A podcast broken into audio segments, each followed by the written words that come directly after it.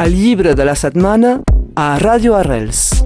amb la llibreria catalana de Perpinyà.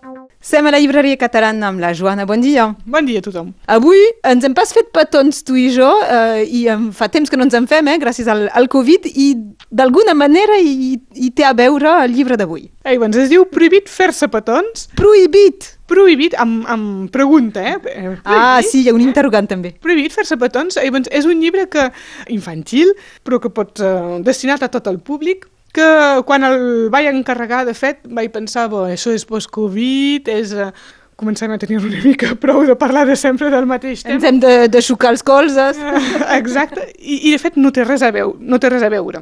S'ha venut bastant pensant en això, però no. I si em vull parlar és perquè eh, faré una anècdota personal, eh, resulta que el meu company és mestre i doncs eh, tinc l'impressió de tenir 30 mainatges a casa perquè cada dia els mestres quan arriben a casa expliquen el que els ha passat a l'escola i parlant, explicant una anècdota de l'escola em deia és impressionant com mainada de 3 anys fer-se un petó entre dos nins o dues nines o fer-se un petó a qui ganes de fer un petó ja sigui tan pautat per la societat, no? I com eh, entre nens ja diuen no, no li pot ser un petó perquè és un nen o no li pot ser un petó perquè és una nina, entre persones... I no hi ha només a veure amb el Covid. Eh, abans del Covid ja passava. Abans del Covid ja passava. I llavors amb aquest eh, recomentari de, de, de casa, diguem, he pensat, mira, aquest conte, per això el vaig triar, està molt bé, perquè és un conte escrit per als més petitons, hi ha molt poc text, és història d'animals, i doncs comencem amb la primera plana, el senyor tigre fa petons a la senyora tigressa. Que té un llacet i doncs veiem bé bé que és una noia. Exacte, està ben marcat que...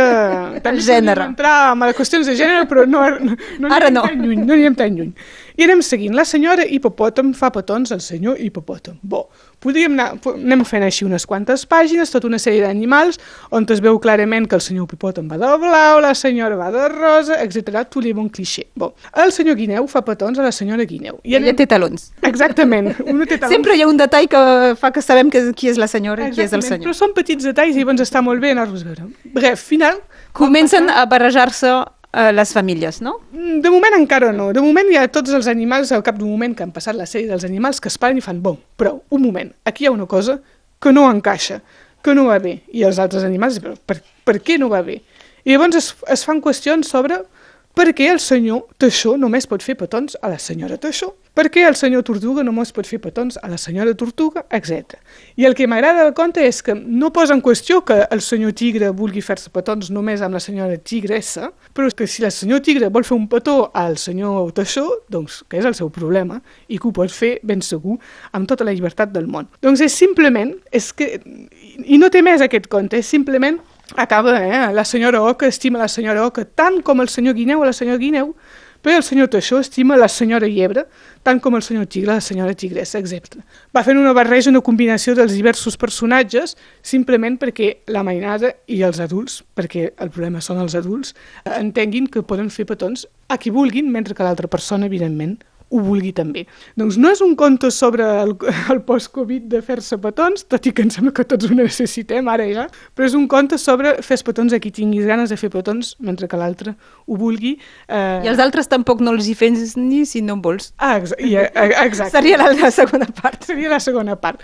Simplement una reflexió de com eh, ja la mainada a 3-4 anys eh, pot ser marcada pel que puguin dir el, el seu entorn, de fet, la societat en general, i, i que no que per favor feu-vos petons amb qui tingueu ganes de fer-vos petons. Prohibit fer-se petons és una pregunta d'Anna Assel i Eva Kunzel, que són unes alemanyes, perquè eh, és publicat a l'editorial Takatuka, i no n'hem parlat gaire sovint, però és una editorial que ens ve de Figueres, que és una parella, home, dona, Que se fa petons. que se fa petons, m'imagino, que ell és català i ell és alemanya, i doncs hi ha moltes publicacions, moltes traduccions d'autors alemanys i és molt, eh, molt divertit i interessant. Prohibit fer-se petons, editorial Takatuka. Gràcies, Joana. Adiu!